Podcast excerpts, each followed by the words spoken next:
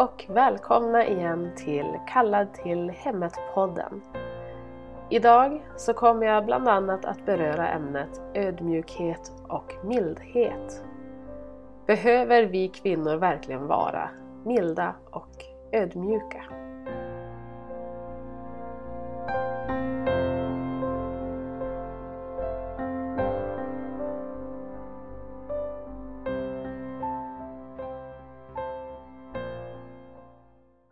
Dagens avsnitt av podden kommer att fokusera på just mjukhet. Att vara ödmjuk, att ha ett stillsamt och lugnt sinne. Ni kanske minns att jag berörde ämnet lite grann i avsnitt 2 eh, när vi gick igenom Titusbrevet. Om ni inte har hört det avsnittet ännu så kan jag varmt rekommendera att du lyssnar på den också. Eh, där tog jag upp bland annat om att eh, kvinnor uppmanas att vara diskreta och lydiga sin make. Det finns ett visst sätt som passar sig för kvinnor att vara på och jag skulle nog våga påstå att alla kvinnor borde applicera just ödmjukhet mer i dagens samhälle. Att vara ödmjuk och mild är någonting som försvinner mer och mer i samma takt som feminismen tar allt hårdare fäste, tyvärr. Och hur tänker jag då? Jo, kvinnor uppmanas att vara starka. Att alltid säga vad man tycker och tänker. Ibland kanske utan att tänka efter ordentligt. Ingen sätter sig upp på dessa kvinnor och framtoningen är överlags väldigt hård och ofta dominerande. Ibland kanske det också är så enkelt som att ja, man har lite extra skinn på näsan, som man säger. Självklart så finns det olika personligheter där ute. Lika många personligheter som människor, tror jag. För ingen är den andra lik, även om man kan ha snarlika drag. Men jag förstår om man kanske är uppvuxen till att anamma ett speciellt sätt eller att samhället kanske har format en. Eller att man helt enkelt har en mer burdus och kanske ibland uppblåst framtoning än många andra. Men man kan ändå alltid lära sig mildhet om man har den viljan. Eller så kan man åtminstone få hjälp från Gud med att bli mildare och mer ödmjuk. För en av Andens frukter som nämns i Galaterbrevet 5 är just mildhet. Så om vi inte har det själva så kan Gud ge oss det. Om vi tar och tittar lite på just ödmjukhet till att börja med. Vad innebär det egentligen? Som vanligt så gillar jag att leta bland synonymer och motsatser för att på så vis få lite bättre förståelse för olika ord. Man får lite mer kött på benen så att säga och över hur orden används. Så vilka synonymer finns då till just ödmjukhet? Eh, det jag hittade var bland annat eh, blygsam, försynt, saktmodig, respektfull, foglig, vördnadsfull och lydig. Och om vi också tar en titt på vilka motsatser som finns till ödmjuk så hittar vi bland annat högmodig, respektlös och arrogant. Så att vara just ödmjuk handlar inte bara om att vara mjuk i allmänhet utan att också hysa respekt för andra människor. Att kanske till exempel respektera andras åsikter utan att brusa upp eller känna att man måste hugga tillbaka för att motbevisa den personen. Att vara ödmjuk handlar om att inte sätta sig upp på höga hästar för att man är så mycket bättre än alla andra. Man ser att alla är olika men med ett mjukt sinne bemöter människor på olika sätt. För även om jag tänker att jag kanske har rätt i en diskussion eller i ett visst beteende så kan jag inte alltid gå in med inställningen att jag kanske har fel. Jag kan ju kanske ha fått allting om bakfoten. Även om jag känner mig oerhört övertygad i min egen ståndpunkt. Ehm, det är alltid bra att ransaka sig själv eh, i det man tror. Och att vara ödmjuk handlar om att vara lite blygsam ibland. Man kan ju faktiskt ha självförtroende för vissa situationer eller andra saker. men ändå ha en viss blygsamhet i det hela. Man eh, behöver inte skrika ut till hela världen hur duktig man är, till exempel. Det är också att man visar vördnad för de människor man möter, men framförallt också inför Gud. Det är ju inte bara inför människor och situationer som vi behöver vara just ödmjuka, utan även inför Gud själv. Vi behöver visa respekt för hans ord, för hans storhet. Vi kvinnor behöver verkligen sluta upp med att vara arroganta och rebelliska mot Gud och Guds ord och tro att vi vet bättre än vad han gör. Så oerhört många gånger stöter man på människor som uttrycker sig på ett visst sätt kring hemmalivet och i mitt fall även kring andra delar av mitt sätt att leva. Människor försöker förklara bort hemmalivet med uttryck så som Ja, men vi lever ju faktiskt på 2000-talet nu. Eller Samhället har förändrats så mycket för kvinnor idag så vi har en helt annan utgångspunkt än vad som fanns när Bibeln skrev. Kvinnor idag har ju ett helt annat liv och är respekterade på ett helt annat sätt. Och ja, på sätt och vis så kan jag förstå resonemanget även om jag inte håller med. Det som skrämmer mig lite grann är att det går att applicera på så oerhört många områden. Till exempel, jag behöver inte underordna mig min man. Min Gud tycker för mycket om kvinnor för att låta dem bli förtryckta under en man. Jag tycker inte att det låter särskilt kärleksfullt. Är ett exempel. Eller kanske så här. Jo, men jag kan klä mig i utmanande magtröjor fastän jag är kristen. Det är ju så kvinnor klär sig idag, det hör ju till kulturen. Människor är vana att se det, så det är ingenting konstigt med det. Ja, jag tänkte i alla fall gå igenom de här påståendena lite grann. Eh, om vi tar det första. Om jag väljer att inte underordna mig min man, för jag tror att det inte är ett kärleks, kärleksfullt resonemang från den Gud som jag tänker mig att han är, så har jag ju faktiskt för det första gjort mig en egen gud. För att jag går min egen väg efter en gud som jag har satt standarden för. Men då får man återigen gå tillbaka till att utforska vad är kärlek? Som ni kanske minns så är det så mycket mer än att bara ge någon vad de vill ha. Om ett barn till exempel är på väg att springa ut på en trafikerad väg så är det ju ren instinkt. Att man antingen ropar för att hindra barnet eller hugger tag i barnet och räddar det från att gå ut på vägen och bli överkörd. Barnet kanske blir sur eller arg för att den hade sett någonting jätteroligt på andra sidan vägen som den ville till och kanske inte förstår att risken fanns att faktiskt dö på kuppen. På exakt samma sätt så har Gud satt ut vissa riktmärken för oss. Trafikljus kan man säga, eller har gjort en gångväg på sidan om för att rädda oss från sånt som faktiskt kan skada oss. För att han älskar oss och för att han vill oss väl. Så det är i all kärlek som vissa principer finns för vårt eget bästa. Så om Gud säger att vi ska underordna oss vår man så är det inte för att kuva oss eller för att trycka ner oss utan för att skydda oss från sånt som inte är bra för oss eller som kan skada oss. Så om vi blir arga och känner att Guds kärlek borde vara mer än så så kanske vi helt enkelt inte har förstått. För det Gud förmanar oss till är alltid för vårt eget bästa skull. Och för att ta det andra exemplet också Även om jag faktiskt tror ni förstår principen.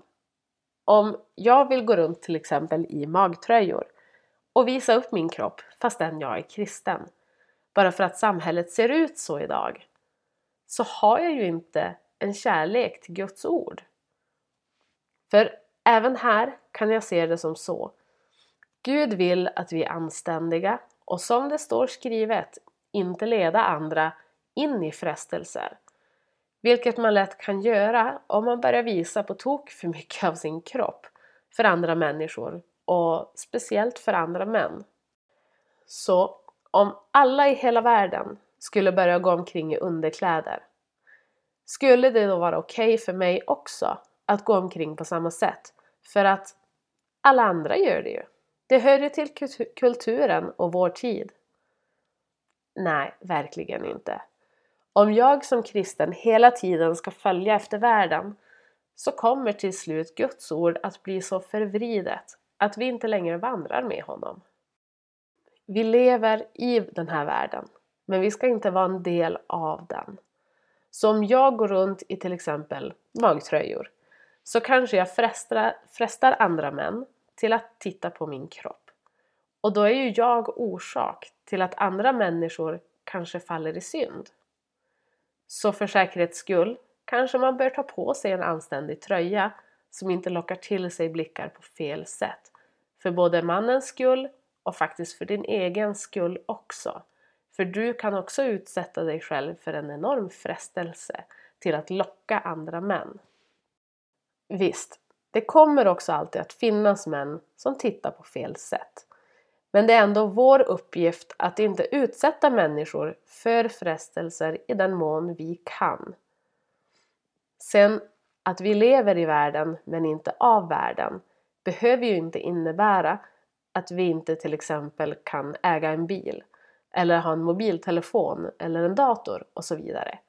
Men man bör ändå vara försiktig med vad man tillåter, var man sätter acceptans och inte och hur det går i linje med Guds ord.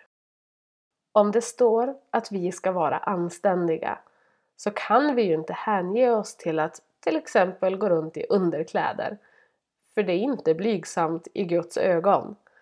Även om hela världen skulle tycka att det är det så är det fortfarande hur Gud ser på saken som räknas.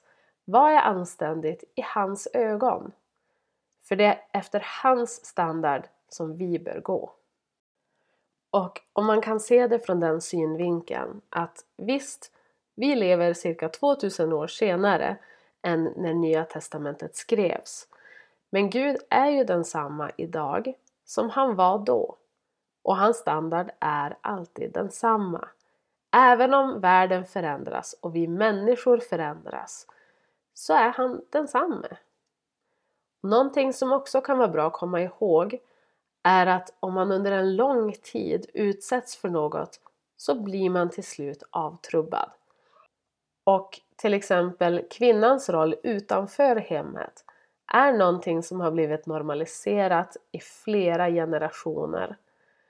Så varför det är så svårt att komma tillbaks till det idag är nog för att principen är så urvattnad. Det har blivit så normalt i folks ögon att man inte ens ser fördelarna med det längre.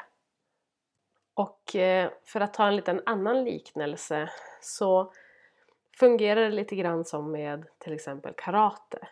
Man går gradvis upp från vitt till svart bälte. Man börjar oskyldigt och rent för att avsluta i avsaknad på ljus. Jag kommer inte att gå in på den andliga biten utav det här men jag vill ändå ge liknelsen. Att gradera från vit till svart direkt det är ett hopp och ett steg som få skulle göra, både andligt och fysiskt. Men i och med alla steg som är däremellan så blir det mer naturligt att till sist få det svarta bältet. Så en långsam förändring är oftast det bästa för att det inte ska bli för överrumplande. Men ja, det var bara ett litet extra sidospår som en liten extra bild på det hela. Nu går vi tillbaka och tittar mer på ödmjukhet igen. Vad säger Bibeln om ödmjukhet? Det finns många passager och verser som talar om ödmjukhet på olika sätt. Men om vi börjar med Ordspråksboken kapitel 11 och i vers 2 så står det så här. När högmod kommer, då kommer skam, men hos de ödmjuka finns vishet. Det finns alltså någon slags vishet med ödmjukheten. Jag tror det kan vara för att när man backar och är ödmjuk så hinner man tänka igenom lite mer än om man bara hastigt reagerar. Eller som det står i början utav versen, om högmodet kommer. Men om högmodet kommer så följer också skam. Så se till att vara ödmjuk i allting så du inte drivs av högmodet vilket är något som aldrig leder till någonting bra. Vi behöver inte alltid ha rätt eller vara bäst i allting vi gör. Ibland har vi fel och ibland så behöver vi också korrigeras. Hur ogärna vi än vill det eller tror att vi inte behöver det. Och som ni nu vet vid det här laget så gillar jag att ta upp också motsatser för att förstärka budskapet. Så jag tänkte gå den vägen även här. Om vi kvinnor inte väljer att vara ödmjuka, respektfulla och visa vördnad för till exempel våra män så kan det få konsekvenser. Män tycker inte om att bli styrda och framförallt inte manipulerade av den så kallade kvinnliga listan. Det betyder inte att männen inte lyssnar på oss men däremot så finns det ändå ett visst ansvar hos oss kring kvinnor kring vårt beteende. Hur vi är mot, mot våra män. Väljer vi att bara gnälla och bråka? Eller är vi mjuka och har tålamod? För att då ta upp ett exempel från Bibeln igen. Eh, hur det kan vara när kvinnor inte väljer ödmjukhet framför andra vägar. Från till exempel Ordspråksboken kapitel 21. I det här kapitlet så finns det på två olika ställen en väldigt talande bild på hur det är när kvinnor inte är ödmjuka. Jag börjar med att läsa i vers 9. Då står det så här. Bättre bo i en vrå på taket än att dela huset med en grälsjuk kvinna. Och i vers 19 så hittar vi nästa ställe och då står det så här. Bättre att bo i ett öde land än tillsammans med en grälsjuk och elak kvinna. Och ja, nu syftar ju just det här på grälsjuka kvinnor.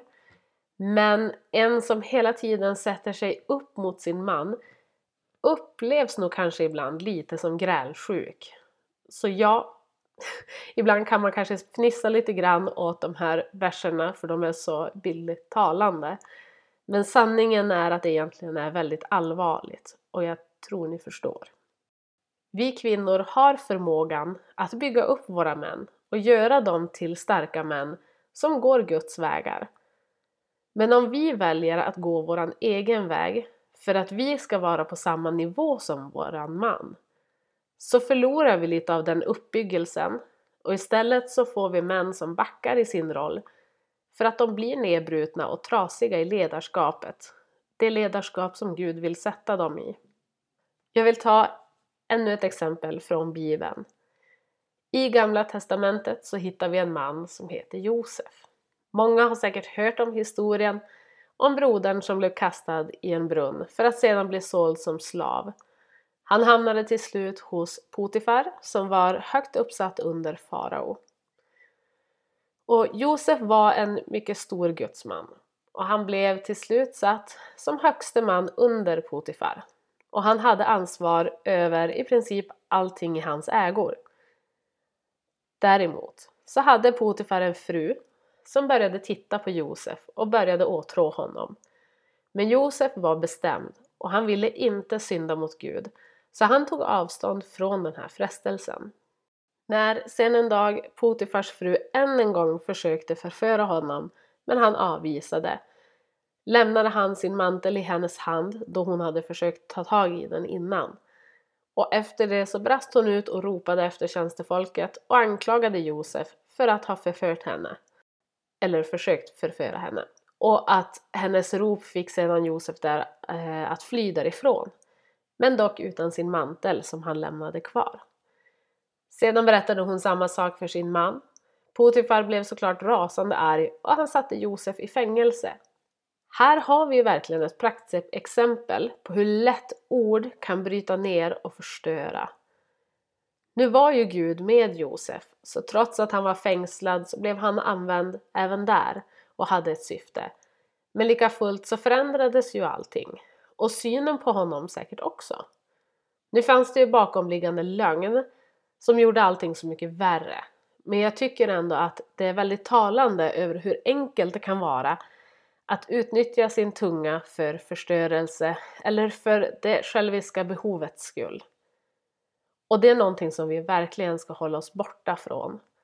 Så utöver ödmjukhet och mildhet så vill jag verkligen trycka extra mycket idag på att verkligen tänka på vad du säger och hur du säger saker. Och även om det du kommer med inte är osanning så behöver vi tygla våran tunga. Att använda vår tunga på ett ödmjukt sätt så att inte till exempel högmodet smittar av sig på tungan och vänder på saker och ting på ett sätt som kan sluta i förstörelse eller skam. Men som jag sa i början, ödmjukheten och mildheten som Gud vill att vi ska applicera har sitt syfte. Precis så som regler och korrigeringar har sitt syfte så har också mildheten sitt. Jag säger inte heller att mildheten innebär att man inte kan prata. En del människor är ju helt enkelt väldigt sociala av sig och kan ibland prata mer än andra. Men ödmjukheten speglar sig istället i finkänsligheten kring sitt prat. Det tar inte bort allt man vill säga utan man väljer helt enkelt sina ord lite mer noggrant. I mitt fall till exempel, jag är en ganska så pratsam person fastän jag är en norrlänning. Många tycker nog att jag pratar kanske mer än de flesta men det finns också situationer när jag inte pratar så mycket alls om jag ser att mina ord kanske inte tillför något så kan jag välja att hålla tillbaka. Ibland. Om jag blir upprörd eller frustrerad eller ivrig så försöker jag också att ta ett steg tillbaka i tanken, vänta och tänka efter vad jag vill säga. Och om jag känner att jag inte kan säga någonting utan att bli upprörd så säger jag ingenting alls. Och jag personligen försöker verkligen att inte låta mina känslor styra mitt tal. Och jag försöker att så långt som jag bara kan inte prata på ett sätt som kan riva ner människor. Visst, jag är som alla andra i allting inte perfekt. Långt ifrån. Och jag vacklar även jag i den här frågan. Och det fanns en tid när jag kanske pratade på tok för mycket utan att tänka efter en endaste gång. Jag ville bara prata, prata och prata. Men Gud förändrade mig och jag tycker att jag har förändrats massor i det här området. För jag vill inte tappa kontrollen på min tunga så att jag säger någonting som jag inte borde ha sagt. Ibland kan det finnas tillfällen också när jag faktiskt övertänker saker och kanske inte riktigt vågar prata. Ibland så har jag också börjat prata utan att jag själv har kontroll över det hela. Men det har varit sådana gånger när Gud har lett mina ord så att personen i fråga har fått någonting med sig som har byggt upp dem. Även om jag kanske kände att jag inte ville säga det med risk för att det skulle tas emot fel. Eller att jag skulle säga det på ett felaktigt sätt. Men sådana gånger kan Gud verkligen mana på istället och om man är ödmjuk även där så kan han leda vägen. Även om det känns jobbigt eller svårt. Och oavsett vad du säger, om du säger det i mildhet för att du har kärlek för personen så kommer det nog att kunna tas emot så mycket enklare, tror jag, än om du är lite mer burdus och kanske låter lite arrogant i det du säger. Som att du faktiskt besitter ett högmod. Det finns också någon förutfattad mening om att mildhet innebär att man är svag och mesig. Visst, jag säger inte att man behöver visa sig vara stark och tuff. Men det finns ändå en sorts trygghet i att kunna vara mild.